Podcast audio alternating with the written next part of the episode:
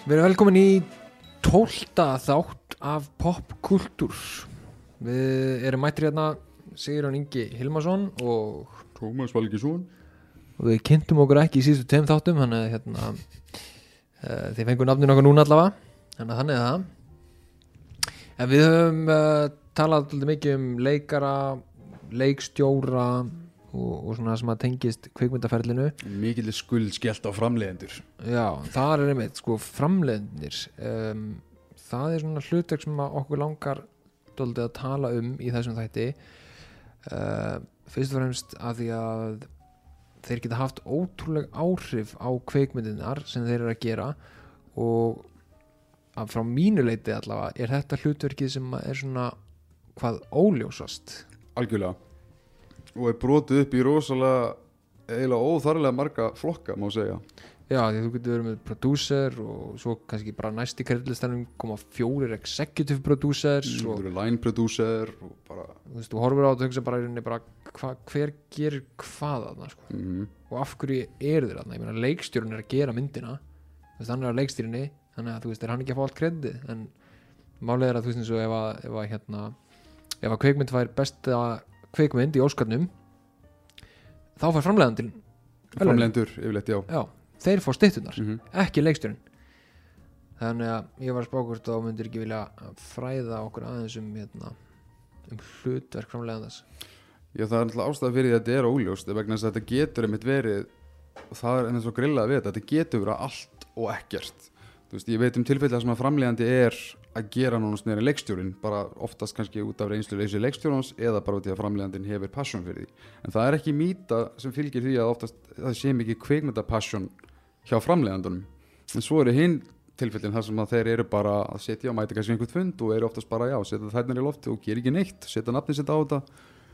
Og Já, framleiðandinn er ekki alltaf svo sem að reddar peningnum eða, eða skaffar eða, eða þú veist, er að móka út peningnum. Það er oft með þess að mikil miskilningur en hann er mjög, þú veist, hann getur verið allt frá uh, yfir umsjón framleiðslu þú veist, góðu framle- framleiðandi er náttúrulega mjög, getur verið hands-on bara í tengslu við skipulag bara framleiða, koma hlutunum í verk gera myndina, búa til, þú veist, yfirfara shooting plan og, þú veist, og, og hérna uh, uh, ræða við mismundi deildir og tengja saman hitt og þetta og einhvern veginn og halda öllu svolítið svona í ákveðnu skipulagi svo, það er góðu framleiðandi mm -hmm. og þetta fer náttúrulega að vera meira og meira loðið þegar komin út í batterin eins og með stúdíó og allt annað þá ertu náttúrulega komið með bara aðeinsfæri færibandskoncept þar sem að í rauninni ef við tökum til þess bara Sony eða Fox eða sambarlegt þannig dæmi þá eru þeir og framleiðendur oftast bara mennirnir eða fólki sem að ræður og einhvern veginn bara já eru hands-on til að vera hands-on eða stundum eru kannski að stýra hlutunum út frá því bara hvað, já, pöpullin vill eða vill ekki. En þeir setja sig oft í aðstöður sem er þannig að já, þeir eiginlega svona eru að já, hvað segir maður þeir eru, meira svona, þeir eru svolítið svona að tala fyrir hönd markasins meira eða minna. En, en aftur já, það er kannski svona loðna dæmið við þetta. Eða ég kannski svara svo vítt er einhvern veginn hvernig getur maður einhvern veginn uh, sikta þetta niður? Ég meina eins og, þú veist þegar maður sér kveikmynd sem þú veist, bara segjum bara from the producers of uh, eitthvað. já, producers, pro- producers of hérna, Transformers. Já, risastór blockbuster mynd. Já, það getur þú kannski þýtt á að einhver staðar er Michael Bay eða Steven Spielberg settir í executive producer hópin en þeir kannski kom ekki nálagt myndinni. Og það er Nei. oftast einmitt samtenging þar á milli. Að veist, þar er einmitt bara nafnið þeirra er basically bara notað sem auglýsing. Þú veist, þeir bara setja einhvern eitt fund fá peninga uppæði í hendunar og, og það er bara, heyrðu, nafnið þitt verður notað þú veist, from Steven Spielberg og, og, og, svo framvegis. Þetta er nota bene mest fráhrindandi finnst mér, uh, taklæðin sem þú getur sett á kvikmyndina. Eina. Það er eitt að segja, þú veist, þetta er frá leikstjóra hérna, þú veist, uh, já, bara get out eða eitthvað, hvað sem að Nolan er að gera. Það getur, fyrst, þá getur áhorfandinn fengið einhvers konar uh, tengingu við, ok, hér er einhver sem er kannski smekks manneskjótt því hann gerði eitthvað annað sem er verið að segja mér að ég fíla því, skilur við en um leið komið framleiðanda, það er mjög, eins og segið það er mjög sjaldan einhvern veginn tengt við það að, ah, ok, út af því að þessi framleiðandi, framleiðandi gerði hérna þessa gæðamynd og þessa mynd sem er vinsál og kannast við, þá hlýtur þetta alltaf vera svolítið í hans höndum Já. Mér líður einhvern veginn þannig þegar stúdíó, neða þegar trailer er að fara að auðlýsa frá framleiðendum X eða Y og þá er bara svolítið bankinn tæmdur. Þeir hafa ekkert annað. Þeir eru að vona bara með því að tróða vinsælli tillum að það sé að fara að gefa einhvers konar eh, vægi á, hefði nýja. En þú veist, en venjulega er oftast talað um sérstaklega aftur í starra batteríun eins og með Fox og Sony það er alltaf að tala um stúdíóið sem svolítið svona þeir eru vondumennir, þeir eru að skemma mm stúdíóið, stúdíóið er ofta saman sem ekki á framleiðendur eða þeir sem er svolítið svona ráði yfir og náttúrulega stó, stórrið sem er það náttúrulega akkurat raunin. En nema þú veist þeir eru kannski ekki endilega peningamennir tökum Disney sem dæmi. Allræmdi framleiðandinn hérna Bob Iger sem, hefur, sem er oft uh, mjög mikið triggerefnir fyrir bæði uh, Star Wars og Marvel aðdándur bara sögum, ímins að sögursafna um hvernig hann vildi stýra hlutum. Hann hugsaður um markaðin og brandið. Hann skaffar ekki peninginu persónulega en hann er ábyrðamæði fyrir skilur hvort þetta sé að fara í átt A eða B og hvernig í rauninni, bara það er hans hlutverk ofar öllu að bara skila hagnaðinu tilbaka, Já. að huga að markaðanum huga að þú veist, já, hvað sem er, næstu kvortur já, nákvæmlega bara, bara hérna pappirunum sem að skila fyrir hlutahandur svona framleiðandir í eðlisínu er ekki að gera til þess að huga að listinni hann er að hugsa um já, fjárfænstinguna og fjár, framleiðandir í eðlisínu er svolítið þarna til þess að vera já, svolítið svona, svona raunsær að reyna að finna eða það er svona, það er ímyndin til þess að í rauninu svona að einhvern veginn stýra einhverju svona þannig að það sé allavega markaðsvænt. En þar sem að uh, það sem spilar sterklega inn sérstaklega í ljósi ímis sem við höfum rætt um er einmitt ofta að framleidendur vita oftast ekkert hvað ég anskotaði vilja fyrir einhvern veginn og hvaða gefni viku. Og það er vandamáli sem ég veist óþólandi veit ekki hversu oft maður hefur heyrt af já þessi mynd var svona en þú veist þeir breytir í eftirvinnslu eða framleiðandinn heimtaði endurtökur út af því að það var einhver pröfusalur í einhverju máli í, just, í hérna, veist, Ohio sem að tók illa í myndina einu sinni. Og þar er það sama sem merki að það er bara að taka myndina frá leikstunum og segja nei, serðu, pöbellin er ekki að responda við leta breyttunni. Framleiðandinn hefur uh, valdið í því leikstunum er búin að vinna í 2-3 ár að þessu verki svo kemur hann eitthvað eitt og brýtur það en framleiðandinn hefur, hefur, hefur völdin og er það er mjög og óþólandi algengt að þeir séu svolítið uh, inconsistent hvað þetta varðar. Framlendin er ofta sá gæði sem að segja já ok, hérna, heyrðu, við ætlum að gera hérna gritti, fantastic formynd þá er þetta myndi sem við erum að samþykja við vitum hvað erum að fara út í, ok, hér er peningurinn við háttum þessu svona, ok, við vitum algjörlega hvað við erum að fara út í. Svo kannski, tveimar ánum setna kannski búið að gera mynd, eða myndin er kannski komin í tökur árið setna, framlendin er bara að byrja, hvað er þetta? Og leiksturinn segir kannski, þetta er það sem við söndum um þetta er ekki að fara að selja maður, þetta er ekki það sem fólki vil getur ekki bætt við þetta fleiri bröndun en það hinmyndir hann sem er í spilinu og er að móka allt þetta nýtt frá Marvel. Hefna, þetta, er, þetta er svolítið málið ekki, getur ekki tróðið meira svona? Þetta er hegðunni sem ég veist óþólandi En þetta eru náttúrulega framleiðendur sem eru meira svona kannski aðeins meira offhand í öllu ferlinu en, en koma inn síðan mér þegar að kannski fullunin vara er byrjuð að skýna ljósitt já, þeir eru náttúrulega sérstaklega að í gangi sem við erum að díla við. Já. en svo eins og ef við horfum á hinpólin og, og, og lítum til eitt svona ofurframleiðanda þá er það örgulega eins og Kevin Feige já, sem hefur bara skapað all, allt sem að við þekkjum sem Marvel heiminn í dag í kveikmyndum, þú veist, bara MCU-ið sem að við þekkjum það og þú veist, hann bara hafði þá einu sín að byggja alla þessa 20 bíómynda örk já. sem endar á Thanos dæmiru Mm og er að fara núna í einhver átt sem við náttúrulega veitum ekki en, en framleiðandi með sín er einmitt nána séð sem undartækningin og, og, og kaltænislega við værum ekki með Kevin Feige og svona jákvæðan ídílega sem að með ja, prófa eitthvað nýtt í tengslu eins og Marvel Cinematic Universe sem að fylgir því að það var fordæma laust að gera svona bíóheim strengja saman svona marga hérna, kvikmyndir hérna og þaðan.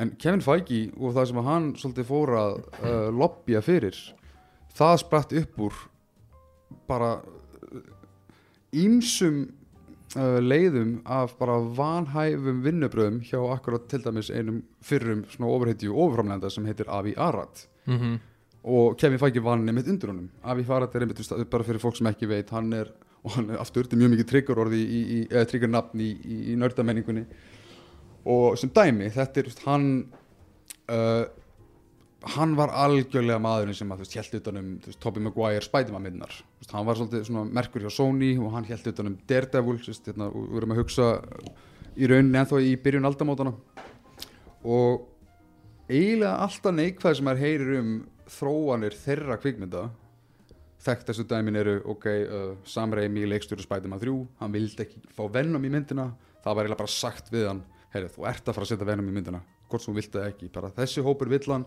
mér er samátt að passi inn í sögun eða ekki bara láta þetta ganga, það er að fara að selja. Og hann líka persónulega vildi hann svo mikið. Já, fyrir utan það. Enda á því að framlega náttúrulega Tom Hardy vennu myndina já, það, já, það líka reyndar. Og, og, og samanskapi þetta er maðurinn sem að uh, það er frækt dæmi náttúrulega, þú veist, ok, Daredevil með Ben Affleck er ekki, er ekki góð mynd en hún er til skárri heldur myndi sem var gefin út. Og Avi Arad er, þú veist, hann er hann var mikill prodúser á þeirri mynd sem að já, fór kannski ekki alveg rétt að materialið og svo meina hann er líka svolítið ábyrgur fyrir hérna, hvort það hafi verið Fox eða bara Sony. En hann var allavega hérna mikið í held, ég er með Fantastic, Fantastic Four. En hann er allavega þekktur sem svolítið svona vannvitið þannig séð því hann er eiginlega bara meira svona selja, selja, selja og svolítið mitt svona, já ok markhópurinn eða í rauninni aðdándahópurinn er svolítið aukaðatriði og veist og Avíjar Ratt fór svona endalega kalkast þegar hann fór að hérna, framleiða kvikmynd um Bratz. Og fór að selja það sem hann var búin að já, vera með fótinn svolítið í óriðugjörunum sem hann bara, já, heyri, þetta verður þetta skal vera X-Men fyrir stelpur. Þú, getur ekki X-Men verið fyrir stelpur nákvæmlega. Og, þú veist, og núna þegar ég sé og þetta fyrir þú nefnið Venom. Ég mani með þessi mynd var í umræðinu og kom trailer þetta, svo kemur þessi, þú veist, kemur alltaf þetta sekundu brot á kreditlista í lókinu í hverjum trailer. Ég mitt, Aviarat. Auðvitað, Mhm. þú veist, ég get ekki ímyndað mér hann að hann hafi verið mikill að handaglými mitt við Marvel þegar var að slást um Spiderman. Það bara, já, ég geri það bara mína Spiderman lausu Spiderman mynd, hérna, fáið þetta ykkar. Og hann líka, þú veist, það er mikið talað um að nákvæmlega þessi maður hefur eitthvað mikið vennumblæti, sko. Þú veist, hann tróð vennum hann í myndina og svo er, barðist hann í mörg ár fyrir að gera bara vennum mynd já, sem að kom svo út og er að fá framhald sem er örgulega eitthvað mesta heilalösa sorp sem ég nokkuð um að séð en ég er samt svo dálitur að henni. Fyrstu myndinni? Já, já, vennumyndinni það er eitthvað svo ógeðslega slæmt við hana en á sama tíma eitthvað svo furðulega gott við hana. Ég sko, það er einmitt eina af þessum myndir sem ég sko, ég væri til að sjá myndina sem að þeir settu markmið sér að gera. Tom Hardy var mjög vókal með það mannst í viðtölum það sem að bara, já, hvað er þín uppáhaldsmoment í myndinni? Og hann spurði það þessu já, og hann sagði, já, bestu partinni voru það er 40 mínútur þar sem ég var, bara nuts og var, það var klift út. Nákvæmlega. Þannig að þú veist, það er, þetta er, svolítið gegnum gangandi og ég, ég horf á vennum og ég finn bara fyrir því að það vantar eitt akt í myndina eða eitthvað svoleiðis, hún, bara, hún er eitthvað svo flæðir eins og eitthvað svona afbrigði fyrir mér. Og það er líka sérst þar einmitt að þú veist öll skotin sem eru notuð í myndinni Tom Hardy er að skemmta sér það vel í þessu hlutverki. Og það er eitthvað meira þarna á baku því sko. og svo tengist það líka eitt sem að fylgir uh, uh, grandskil framleiðendum sem er alltaf þessi, þessi, þessi djókur sem að mér Kevin Smith hefur oft notað sem að þú veist, í Hollywood þá bara feilaru á upplið þú veist, þú ert bara, þú hrasar og, og, og, og að, margir mun eftir frægursögunni sem Kevin Smith kom með varandi þegar hann var ráðan til þess að vinna trítmenti fyrir Superman 100 já, og framleiðandinn John Peters hann var herrlega bara hann var með rosalegt blæti fyrir bara henda helvitis konguló í handrið já, sagði bara veistu, ok, þú ert, okay ætla, ef þú ætlar að gera súpumamynd fyrir mig hann má ekki fljúa ég vil ekki hafa hann í þessum faggabúning það voru hans orð. Mhm. og, hérna, og hann þarf að berjast um konguló í þriði aktinu. Bara what, ok og já, punchline er sérst að hann framleiti síðan setna með líka Wild Wild West. Hinn súpumamyndin bara fór á ís og hann fekk loksins hérna, sitt blæti framfyllt en, en varandi einmitt hennar framleiðanda og konseptið að feila á upplið þetta var bara einhver, einhver hairdresser fyrir Barbra Streisand. Bara gaur sem bara, þú veist, var hérna bara gúru á sínu sviði bara, og eins og gerist oft í Hollywood hún ferði í rétta partí bara, viltu ekki, bara taka við stúdíóið? Við þurfum svona gæði eins og þig það er eins og sé oft viljandi verið að championa það að fá einhvern sem er með business við sem lesist oftast sem að vera ekki kvikmynd áhugamanniski eða áhugamanniski um listir. En þeir bara einhvern veginn, já, þetta er svo, svo handtínt hér og þar að maður er bara líka að setja þær kröfur sko að framleiðandi getur sett þær kröfur um að Superman er ekki að fljúa í Superman myndinni þinni Þetta var að vísu, ég skal gefa því smá skilning, þetta var að tímabila sem að Superman var bara allt annað en cool og þeir voru nýbúnur að held ég, ég held að það hafi verið kringu þann tíma þar sem að það var bara gjössanlega búið að endur hannan hann var orðin svona alveg blákvítur og með svona eldingarmótíf. Mm. ég man eftir þessu alltaf, þú veist, að þarna var ég svolítið á mjög mótandi árum og mér var Superman cool en ég man að í myndusunni það var bara heiminu var að segja nei, þetta og, uh, rauðblá og gula mótíf og skikjan bara nei, þetta er, þetta er svo gamaldags. Þannig að hann hefur verið svolítið í í, í, þessu. En veist, þetta er bara brota brot af einmitt svona prófíl margra framlegenda í stúdíum sem eru bara í rauninni einhverju nöttarar sem slísust í vinna sem þeir eru telja, telja þeir viti, viti það besta og, og það er alltaf óteljandi sögur af því að þeir eru bara á bestu blaðsíðu með hérna vinnaflunum sem er ráða, það er ekki þátt bara leikstjórun og teimi sem að hann velur eða teimi sem að, sem að kemur af því að með ákvörnutöku framlegandans þá hefur þetta áhrif á allan valdapíramítan og þú veist, þú veist mjög gott dæmi það líka það er uh, Tom Rothman sem að mér skilst sé í dag hjá Sony myndum kannast, kannast allavega nafnið sko. þessi maður er hálfviti og þessi maður er eiginlega mjög stóran hluta af sleitinu hjá Fox þannig að milli 2000 og 2012 þegar hann var starfandi og þekktustu svona hvað segir maður svona flökkusögurnar af því er og í fyrsta lagi þetta var maður sem alltaf bara hann gerði allt sem hann gæti til þess að bara gerast bara erki ómunur kvikmyndagagrínda og var alltaf rosalega svona útvalinn í, í, í vestrætni menningu, var alltaf svona útvalinn með hvernig hann myndi svona fá stýra umtali sem hann hatt ekki rétt á og myndaðist þar að leiðandi mjög mikið svona mikið, mikið úlfúð í hans garð. En þetta er maður sem að á meðal límisa verka er þekktur fyrir það að þú veist, hann var X-Men var að komast á skrið þegar hann byrjaði. Það var búið, fram, veist, það var búið að setja fyrstu myndin í gang. Já, þetta var maður sem bara vildi ekki með neitt vildi ekkert með X-Men gera nema ef það væri uh, Hugh Jackman í fórgrunni og þessi maður var yfir Fox þegar, veist, þegar allir voru að lobbya fyrir rétt trítmynd á Deadpool og þetta, Deadpool hit. Hún var drullu sama, hann vildi bara ok, við erum að gera þetta X-Men, ok, bara meira Hugh Jackman. Herðu, við viljum þetta, nei, bara meira Hugh Jackman X-Men Origins Wolverine. Þetta er maður sem að gúttiraði það þegar kom þessi frægi leki árið 2009 1. apríl 2009 þá lekur X-Men Origins Wolverine mánuði fyrir kvikmynda Já, frumsýningu. án teknibrellunar eða svona mjög Já. óskýrar eða, þetta er greinilega hrátt kött þetta, þetta er alltaf vinslu útgáfa. Og ég gleym aldrei fréttatilkynningin sem kom frá Fox að veist, þeir voru að reyna að fá fólk til að ekki downloada 200 miljón dólar stórmyndinni sinni sem var að vera að fara að frumsýna. Fólk það, það gerði það flestir. Mm -hmm. gerði það mjög margir. Þannig að ok, Fox fer það í verð og segir ja, útgáfan sem lag út, þetta er, þetta er bara hérna, mjög uh, frumstiks útgáfa og það er búið að bæta við mörgum reshoots og búið að fímslifa þetta og þetta er allt bara þetta, þetta speklaði myndin ekki með neinu móti eins og hún endar í dag. Þetta er nákvæmlega sama mynd. Og ef eitthvað brellinu voru verri í veist, þegar maður horfði á workprinti og gæst alltaf að afsaka það. Ah, ok, þeir muni laga þetta. Svo horfði á X-Men Origins bara oi, þetta er, þetta er umulega brellur. En já, þessi maður sérst var bara einhvern veginn mjög mjög kræfur á bara svolítið svona, mér finnst þetta asnalegt mér finnst þetta, það er enginn að fara að píla þetta Deadpool verandi eitt dæmi annað dæmi sem ég tók sérstaklega nærið mér á sín tíma sem er einmitt, hann var yfir Fox þegar Ridley Scott gerir stórmynd sem heitir Kingdom of Heaven mm -hmm.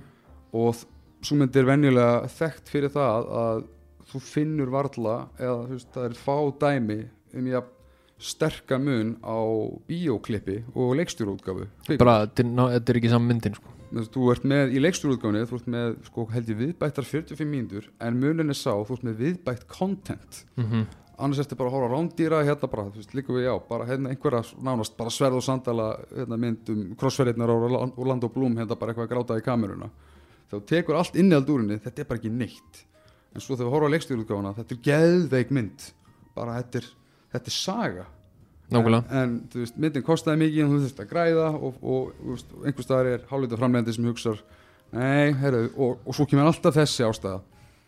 Heyrðu, ok, þetta er flott mynd hjá þér. Bara svona, en hún er svolítið löng. Þurfum við ekki að spila hann oftar í daginn? Þú veist, það er alltaf þetta dæmi sem er gripið til sem er ok, þú ert búin að ganga frá myndinni en heyrðu, svo þarf að klippa hann niður út í að þú veist, við viljum ná, skilur, við viljum geta sínt hana þú veist, 5, 7, 9, 11, Já, já, þessi tímar. Nógulega og mena, það, var, það er nákvæmlega það var ekki af neitt annar ástæðu fyrir því að Zack Snyder var látið klippa niður eða flestar myndar sínar eins og Watchmen Þú veist, hann gekk frá Watchmen og sagði bara hei, stúdíó, hér er Watchmen, hér er handriði sem þið gutturuð, hér er bara my vision, hvað nú?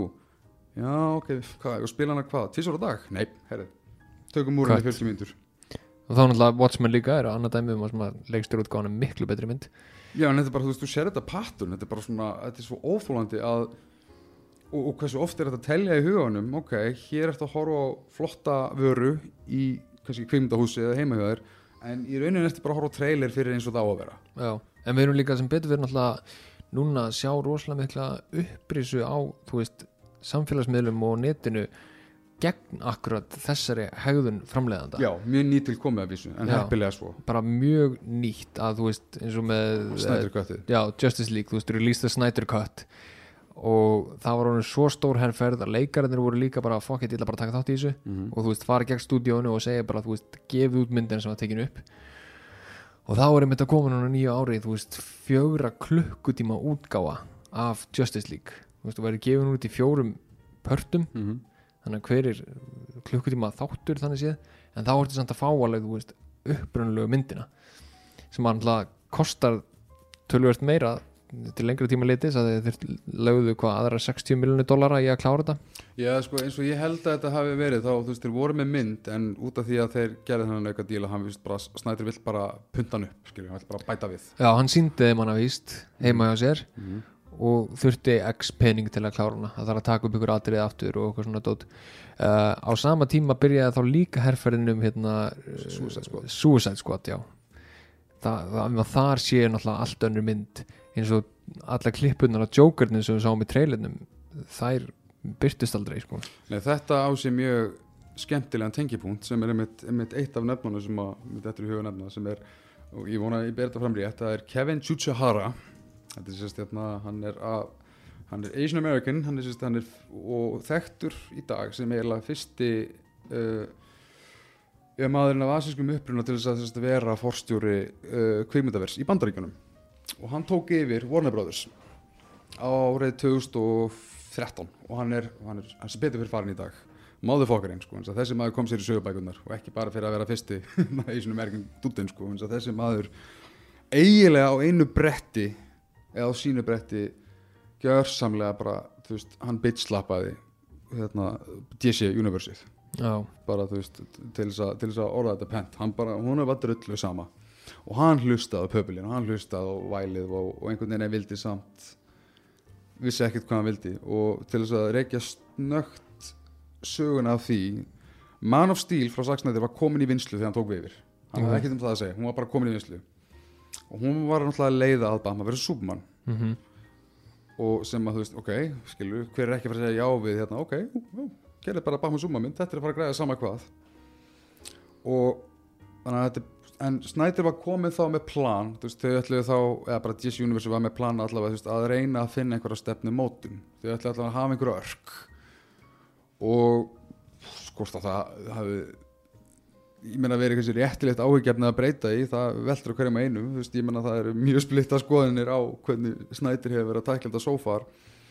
En það breytir samt í ekki að Batman vs. Superman eins og hún kom út þegar fengið mann í bíó, hún var bútsýröð útgáfa, það var vond mynd sem var gerð verri í því að veist, það var bara tekið út stafið sem make a sense ég mm -hmm. að fá, veist, lengri ekkert spesmynd sem alltaf make a sense fyrir hvernig hvað er þetta og Batman vs. Superman er sérstaklega skrítið dæmi eins og þú veist hvernig við tilerum öll þar sem að við erum að fá trailera fyrir trailera nákvæmlega og ég set Batman Superman sérstaklega í ákveðna kategóri þar sem að við fengum trailer fyrir trailer svo fengum við sex trailer eða eitthvað sílega sem er bara möpp út alla frammynduna Mhm. mm basically bara trailer fyrir það að horfa á myndina alla en þú veist alla uh, narratífu punktana svo kemur myndin í bíó og þú ert eiginlega bara að horfa á trailer fyrir lengri útgáfuna sem er síðan gefun út mikið setna og hvað er svo útgáfa annað en bara langur fucking trailer fyrir Justice League sem við fengum svo aldrei vegna þess að því var skipt út með, fjárveru Snæders og innkomið Joss Whedon. Að þetta var allt undir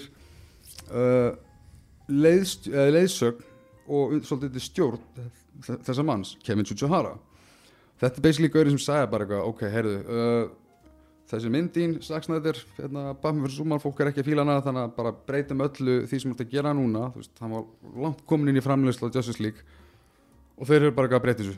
Og hann bara eitthvað nei. Svo ske skellar á harmleikur og, og hitt og annað og hann fyrir alltaf bara í panik og reynir að bjarga sig hvernig sem hann getur. Og því að þú veist, þá sá hann eftir á heikja að kannski já ok, þetta var kannski ekki þú veist, money hittarinn sem ég bjóst við en ég með þátti að gera þryggja tíma og rosalega þunga svolítið svona idealistically svona bombastic Batman vs. Superman sem er ekkert rosalega svona gaman að horfa á. Nei, það, veist, það á ekki að koma á óvart. Framleiðindur er ekki að finna sig eftir veist, eitt skrýning og bara eitthvað, hvað voru að gera, shit samþýttu við þetta. Hvaða fjöll af kókaini tóku við þetta kvöld og þannig að þú veist, já, ég hata þetta gegnugangandi minnstur að það er alltaf að vera svona ákveð hlutina eftir á. En svo er þetta sko þetta líka hann inn menn þessi maður basically í paniki til þess að bjarga DC Universunu eftir umtalið sem B BVS fekk þá bara svona ok fólk er að taka vel í trailerinn fyrir Suicide Squad en trailerin endur speklaði ekki hrákleipið af myndin eins og hún var. Alveg bara á andstæðan nánast. Þannig að hvað gerir þessi Kevin? Eða hva, hver er hann svolítið svona að- að championa hann lætur trailer kompanið klippa kvikmyndina endur klippa Suicide Squad bara til þess að geta þá farið hérna í mitt svona mál pröfusýningar og, og, vera, bara að vega með þetta ok, er hérna heila þessu pöbellin hérna í sal A þeir fá hérna David Ayer köttið og svo hinum megin er hérna þessi poppaða fucking ADHD útgáfa sem ég gerði með trailer company okkar. Ok, hvort er betur tekið í, skilju, svo metar það út frá því þannig að Suicide Squad er bókstala hún braut blaði í sögu kvikmyndalíku við með því að vera klift og eftir á higgja skilju af markastúdíói. Já, út af því að þú veist, þeir vissu alltaf hvað mynd alltaf veist, þeir voru að byrja að selja mynd sem var annan þeir höfðu. Kemur trailerstúdíó og, og svona marvelarana svolítið upp en svo einhvern veginn haldaði þeirri leið. En þetta kemur allt niður að bara, já. Að, sko, að sú myndin loka afurðin sem við fengum var náttúrulega bara innihalslaus steipa sem að gera nánast ekkert rétt og það sást líka bara strax í sko fyrsta opnunar atriðinu á myndinni þar sem þið setja hann við mataborð og er að tala að hún er svo illa klift að fólkið ógeðslega er ekki einu svona í sömu stöðum á milli skota Nei. og það er bara, þú veist, ein, ein, í einu skotinu er hann að setja hérna, gaffal upp á mununum á sér og í næsta skoti liggur gaffallin á borðinu sko. Veist, og það, þetta er svo ógeðslega augljóst þegar maður horfir á myndina fárulegt sko. að það ættu allir að taka eftir þessu eða þeir eru bara að einblýna sér á karakterinn. Ég meina það eru fleiri dæmi um þetta líka. Ég meina þau bókstala að lappa fram hjá sö- sama held ég bara uh, strætinu einhvern tímann þegar þau eru öll saman komin skilju Harley Quinn er að stela ykkur úr ykkur glugga einhver búðu hlýðin á henni skilju eitthvað Gucci merki eitthvað, eitthvað þannig lagað. Svo lappa áfram svo heldur sér áfram og þá er það aftur komin að skilju upp á skilju. Það hefur eitthvað já þess, þess, þessari myndi skýt saman um hvað er koherent í klippingu. Og þegar myndin var glæn ný fannst mér alltaf gaman að segja sögur við þá sem að hafðu engan áhuga að sjá hana. Og bara ok, heyrðu, leið mér útskrifa fyrir hversu slæm hún er. Bara ok, hún byrjar sem bara skip track helviti á skilur fræglög mm -hmm. og, og byrjar á því að kynna tvær personur skilur það, Deadshot, með Harley Quinn bara til þess að síðan kynna þriði personuna sem er þá Amanda Waller sem fer þá í það ferli að kynna allar personurnar og það er á meðal þú veist, Deadshot og Harley Quinn aftur. Svo, þú veist, já, og myndin þetta, myndin er lifandi trailer. Bókstæla þetta er bara, þetta er ógeðslegt og hún bara, veist, hún hefur ekkert á bakvið sig, ekki neitt. Og Justice League er með þess að bara heitlanar helvitis kapitul út af fyrir sig undir aftur stjórn þessa, þessa framleiðanda vegna þess að eina af ástæðanum fyrir því að Justice League Snyder Cut hefur komið svona mikið almanna vitund vegna þess að stúdíu var alltaf sem ekki að þakka niður í konseptinu að það hafi einhver, eitthvað helviti farið fram á bakvið tjöldin. En þú veist, við erum með social media og það bara var meiri vitund og vakning fyrir þessu, við talum ekki um það með upplýsandi sögum af uh, ofbeldi á setti og öðru stöfi sem þeir eru einhvern veginn að reyna að fela. En í, í, tengslu við, eh, við ekki Suicide Squad, þetta er Justice League það súma svolítið upp eitthvað sem ég hef aldrei skilið með, með þessa stærri stúdíu og með þetta að þeir hafa ekki trú á verkinu sínu hvað gera þeir? Eyða miklu meira peningum í það Já. eða, eða svona, já, þannig, þannig var þeirra mat á Justice League þegar þeir voru með Snyder Cutið ok, þetta er ekki að græða ok, shit, ok, shit, við getum með flop heyrðu, uh, basically borgum fyrir heila mynd í viðbót til að Mhm. bjarga þessari mynd til að gera meira líka, líka öðru trendi sem er að selja og fólk mun ekkit fatta þetta.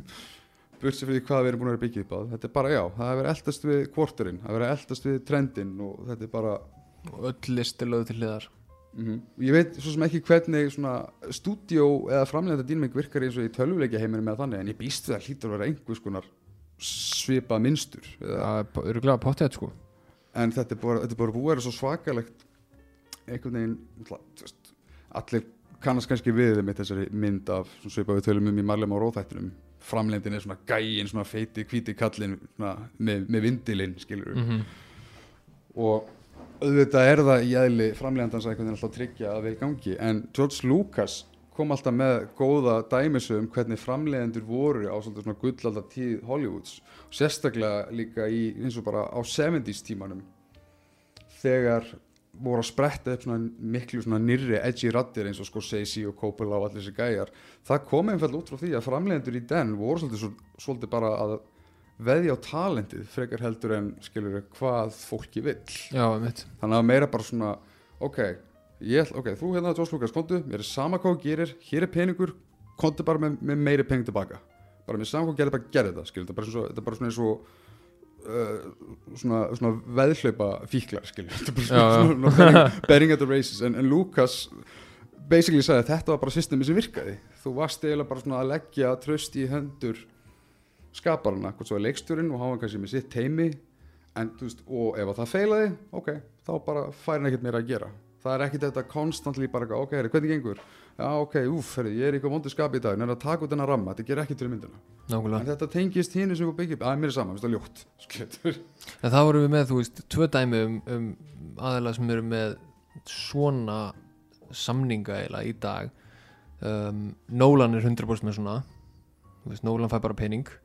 Já, Nólan alltaf gerði uh, hérna, gáðan hlut, hann, ok, hann, hann náttúrulega innsiklaði hjá Warner sem náttúrulega bara svolítið þeir gefa honum pening sama hvað, hann er bara, bara svipað við höfum talað um á þeir þeir vilja ekki sleppa honum. Mm þeir bara, ok, veist, ef að Nolan getur gert myndir fyrir okkur, Warner. Ef ekki, hann er að fara að græða pening fyrir þú veist, hérna, Sony eða Disney og eitthvað. En, en hann samt startaði sitt eigi fyrirtæki. Já, að, hann er með sér degi fyrirtæki náttúrulega. Og svo erum við með annan gæja sem er bara í framleiðanda stöðu sem er hann hérna, hann Jason Blum. Já, akkurat og það er einmitt svona, þú veist, að því við erum búin að drulla svo mikið yfir hinn og þessa framleiðendur Mhm. það er fínt að kannski tala aðeins um eitt góðan gæja.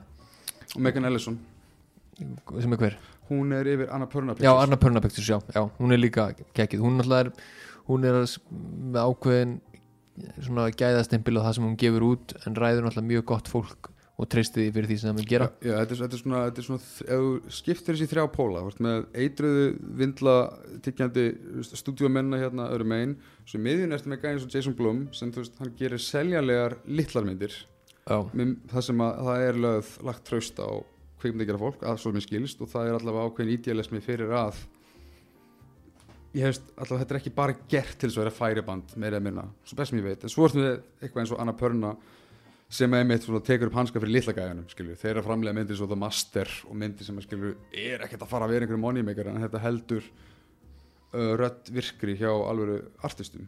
Nákvæmlega. Sko, já, svo ferðir í Jason Blum og Blumhouse. Þeir náttúrulega eru þeim tekst rosalega vel að finna sér markað. Já, hann líka bara gerir ótrúlega hluti. Hann kannski þú veist, setur bara upp dæmið að hann myndi framlega tíu myndir á einu ári. Mm -hmm. og það koma tíu aðlar til hans með handrit og fyrst og fremst að hrellingsmyndum að því að hann framleiðir hrellingsmyndir að þeir eru náttúrulega útýrar og það koma tíu gæjar til hans með hugmyndir og segja þetta er það sem við viljum gera og hann veðjar bara segjum bara 60 dólarum á alla Mm -hmm. það fór bara allir 60 dólara Mm -hmm. búið til myndina, komið með verkið tilbaka til mín og þeir gera það allir og bara eina þessum myndum þarf að að- græða Mm -hmm. 2-3 miljonir og það var hann í bullandi pluss Mm -hmm. og það er náttúrulega bara það sem hann er búin að vera að gera og með því er hann þá líka að gefa sko leikstjórunum sínum og leikurum og handriðsöfundum ótrúlega mikið tröst hann er vist ekkert múlega mikið að blanda sér inn í þetta sko. og tækifæri líka Og- já, og við hefum aldrei fengið neitt sem heitir eða líkist kompaki frá M. Night Shyamalan væri ekki fyrir Blumhouse Nei, þegar kom að hérna, fyrst, það vildi engi ráða Shyamalan þegar hann var búinn að stórfloppa bæði með Last Airbender og bara búinn að kveikja í stúdíopeiningum og sérstaklega After Earth það vildi engi ráða en Blumhouse kemur heyrðu ok, hérna, viltu gera hryllingsmynd fyrir skilur innan við þrjá, þrjár miljónir skilur ég fæ nafnið þitt skilur það er einhverju sem að kannski hafa að trösta því skilur það er svona hann, hann er með klár. Og þess að hann gerði veist, hann uh, uh, uh, endurvakti Halloween brandið með skít ódýri mynd en þetta er Halloween mynd þannig að hún er að fara veist, þetta, þetta er að fara. Og líka sko, með gæjum sem að virkilega þú veist, Seth Rogen og David Gordon Green sem að Danny bara- McBride. Hvað sér ég, Danny McBride menna ég. Danny McBride og David Gordon Green sem að bara höfðu hennan bilað áhuga á að gera aðra Halloween mynd. Já. og hann bara, ok, þú veist, ég skal bara fá kvikmyndaréttin um, kostar eitthvað pening og ég skal gefa ykkur x pening til að gera myndina. Og skilji bara frá mér skilji bara til mér einhver ásættilegu verki sem hann alltaf var ég á eftir að horfa á hana en, en með við það að ég sé mjög mikil Halloween aðdáðandi þá á hana vist að Ég geggið sko. Ég mæl ekki með henni, andjúks, hún er ekki góð. Já, já, ok, Eða, veist, hún, er, hún, er með, hún er með hjarta rétt með stað en hún er, hún er þú veist, þetta er svona, ef þú elskar Force Awakens þá er hún að gera svolítið þetta fyrir Halloweenið. Þetta er svolítið svona, þetta er gamla bara aðeins, aðeins nýtt, aðeins, aðeins búið að snirta til í pólitíkinu og þannig. Ég fórður að sjá hvað ég gera meira við þetta en, en Halloween og gæðið að gildi þess er, er allt annað tópik en, en, en punktinni samt stendur. Já, og, og þeir fá leiði til að gera tværmyndri viðbútt, af því að þeir kosta ósla lítið og græða sjúklega mikið penning og ég meina svo eins og talaðum að þú veist, láta tíu gæja fá 60.000 60, 60, bara sem dæmi. Ég menna þú veist, svo með þessar, þessar aðferðafræði þá ertu kannski að uh, komast að ég, þú kannski hittir á einn hérna Jordan Peele, skilur, sem er hérna hann að koma með tækifæri. Já. Blumhouse var einmitt með Get Out. Mm -hmm. og það var rísa hittari, skilur, bara fyrir einmitt og stúlíka einnáðast þetta er einmitt séð mörgum svinsaldur svona merkjum gæði fyrir hryllingsmynda unnendur þeir voru með paranormal, eða ekki? Paranormal já, jú, hann, hann gerði bara ég held að það var myndir sem að líta hann græða mestan penningin sko. já, sem svolítið svona komið svo stað og ég hef einmitt velti fyrir mér út að fólk er alltaf svo mikið að gaggrina að það vantar miðjumyndina hjá stúdíóum. Það við fáum oftast bara eitthvað svona litla hipsteri eða svona, svona niche indie mynd eða við fáum veist, mega budget stórmyndir. Eins og nákvæmlega þetta. Ef stúdíó situr hérna á 100 miljónum það er að segja ok, við ætlum að panta hérna eina 100 miljón dólar mynd. Af hverju ekki gera veist, 10, 10 miljón dólar myndir. Nákvæmlega. Sem hafa potential og með resursun sem við höfum þú getur gert miklu meiri dag fyrir miklu minna. Og það er kannski það sem ættum að vera og eins og í Það var Blumhouse tilfellinu þá ert að fá myndir eins og Get Out og, og svo ert að fá líka bara svona skemmtilegan svona skemmtilega vitleins eins og Happy Death Day til dæmis, ég eftir að sjá það, mér langar að sjá þær það eru skemmtilegar ég heilt góða hlutum þar sko. Já, tvær myndir sem að koma þarna bara upp úr þurru og þú veist Mhm. að því að gæðin er að framlega svo ógeðslega mikið af shiti og að sjálfsögðu er mikið af þessu líka shit já en þú veist, á sama tíma, sérstaklega út af nefnir þessar tvær veist, Happy Death Day þar finn ég fyrir, þú veist, ég teka fram ég hef ekki séð þessar myndir, ég veit að þetta er enn eitt en það sem hefur svolítið kveikt áhuga minn að vilja sjá þessar myndir það er áhugin hjá, hjá kvikmyndagjara fólkinu sem gera þær. Já, þannig að veist, það er svolítið vinklað inn í Blumhouse bóluna sem er, veist, hann er með passionera fólk mm sem er, já, hér og þar, veist, þetta er eiginlega svona, svona hugmyndafræðilega anstæðan við eitthvað eins og Asylum eða eins og við rættum áður, þú veist, Hallmark jólumyndar sem Já, er bara eitthvað, tjekklisti, tjekklisti, færiband, fólk fílar þetta búið. Þetta er svona, Það er með, þú veist, já Happy Death Day er að sjálfsögðu bara Groundhog Day nema, þú veist, augljóslega var bara einhver hópur af fólki sem að vildi virkilega mikið gera Groundhog Day nema í hverskipti sem að hún vaknar þá er það að því að það er einhver gæi sem er að elda og er að drepa hana. Þú veist, hún bara í hverskipti sem hún er drepin af þessum gæja eða deyr, þá vaknar hún aftur. Já, markmið hennar er sem sagt að vinna þennan gæja sem er að reyna að drepa hana sem bara enda sem þrjusu skemmtilegt koncept sko. Já, og líka, þú veist já, maður verður líka að taka svolítið inn í, inn í málið að í tilfelli eins og með Jason Blum að svipa við nefndum með Kevin Feige, þú veist, hann er að, hann er að vinna innan ramma, innan, innan stúdíórammana en samt svona byggja á mistök sem að hafa kannski verið gerð eða, svona, svona læra af fyrir mistökum skilju, mm. -hmm. hann, svona, hann er nógu sjóar í bransun til að gera þetta svona þannig að hann fer bara veginn svona sína eigin leið til þess að stýra sín út að Blum er rosalega hérna, rosalega sjóaður í bransunum held líka að hann hafi stórgrætt á Sinister. Þetta hafi verið mjög stór mynd fyrir, fyrir þá einmitt. Já, og þá, þú veist já, það var einmitt bara svona að vera að hvað sem er svona uh, ebla horrordirektora sem að um tíma var bara eiginlega frekar, frekar döður geiri einhvern veginn. Mhm. svo bara kom bara eitthvað svona surge í bara gæða horrormyndum allstaðar ekki að vísu allar frá Blumhouse en út af því að þú veist, við leiðum okkur að hafa meira af litlu frekar heldur en að vera að henda öll í það stóra sem leiðir oftast til já, þú veist, svona týrant hæðana hjá, hjá framleiðum, hvort sem að þeir eru hæfir í sínum stöðum eða ekki en, en það er náttúrulega líka, það er svolítið kjarn, kjarnamunurinn á þessu, myndum að halda. Og ég meina hvað höfum við oft nefnt það eða í að því hvað Star Wars er að þjást mikið vegna þess að það er ekki verið að huga að kontentinu heldur það er verið að huga að, mark, öst, að, sest, að bara einhverju svona ímyndum fjölda markkópa án þess að gera sér grein fyrir því að með óvöndu vinnubröfum að með því að hugsa bara um tölur og tjekklista þá ertu að alienið og minka markkópiðin þú ert að svíkja kúnana hérna klálega. Þannig að þú ert að drepa basically kreativitíð mm. en eins og bara, þú veist, áður að slúttum þessu að, að hérna Paranormal Activity var allir með búin til fyrir 15.000 dollara. Jöp. Um, og hún er með ennþá í dag hæsta svona re return of, in- return of investment nokkuð tíman í kvikmynd af því að hún grætti yfir 200 miljón dólara þannig að það var það 15.000 dólarar 200 miljónir í hérna í gróða. Og það er svona eitt af því sem að startaði svona mega kompaníinu sem hann er í dag sko. fólk skal endilega kannski hafa í huga að því minni sem myndin er eða verkið, því öllir getur meir aðdána verðara starf eða svona, þetta er svona þeoría því e, starf framleiðandans. Þessi, þá ertu meira þú ert að redda hlutunum, þú ert að ringja og networka og þú ert að gera alla þessa hluti sem að eru eiginlega meira meina sjálfstæðar á því starri skala sem þú ferð, þá ertu eiginlega bara komin í deildir meira meina og komin í bara svona allt annað skipan. Og, og mögulega eða umdeilalega kannski farin þá að vinna í þannig ramma sem að ef þú klessur á vegg þá ert ekki meinin að kreatív lausnir við því sem er náttúrulega svolítið sem að líka er innifæli í starfi bæði framlegend og leikstjóra sérstaklega á litlum verkum sem er bara, herru ok, herru við þurfum að gera þetta. Herru við getum það ekki, nú, ok, budgetið býður ekki upp á það. Herru, ok, við getum gert þetta í staðinn skilju, hugsaði kreatív lausnum Nákvæmlega. sem að er náttúrulega svolítið eðli kvimni gera það líka. Þú veist, þú ert svolítið að challengea hvað er hægt versus hvað er hérna já, þú veist, hvað meika sens fyrir, fyrir efnið Það ég vona þá allavega að fólk sé aðeins hérna, aðeins fróðara um hlutur framleiðanda og, og hversu ógeðslega lélegir að geta verið í sínu starfi á móti í hversu góður að geta verið. Já, og hvernig líka framlendi geta komið frá bara hvaðan sem er einhvern veginn. Já, og þú getur farið frá því að vera hárklippari Barbara Streisand yfir í að búa til Superman-mynd sem þú verður að hafa kungulói en endra á að framleiða Wild Wild West sem er þess að stóri veist, bara pældi aðeins í því svona rétt á um slóttum. Pældi hvað þetta er galið koncept. Þú ert hérna gægin sem að hefur valdið á veist, 200 miljón dólara supermamynd en þér er illa við skikkjuna. Þú verður að hafa þessu konguló og þér er svo sama hvernig lórið sem hérna er hægt að tengja inn í þetta hvað er hægt að gera. Það er bara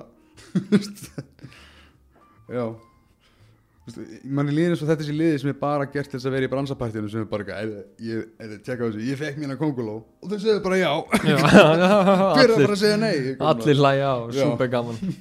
Og, og hvað er ekki nördarnir brjálaður já, hvað heldur þú, allir klikkar og eintitt yeah, hún meikaði en monies. Þeir munu samt sjá hana, ég get garantera það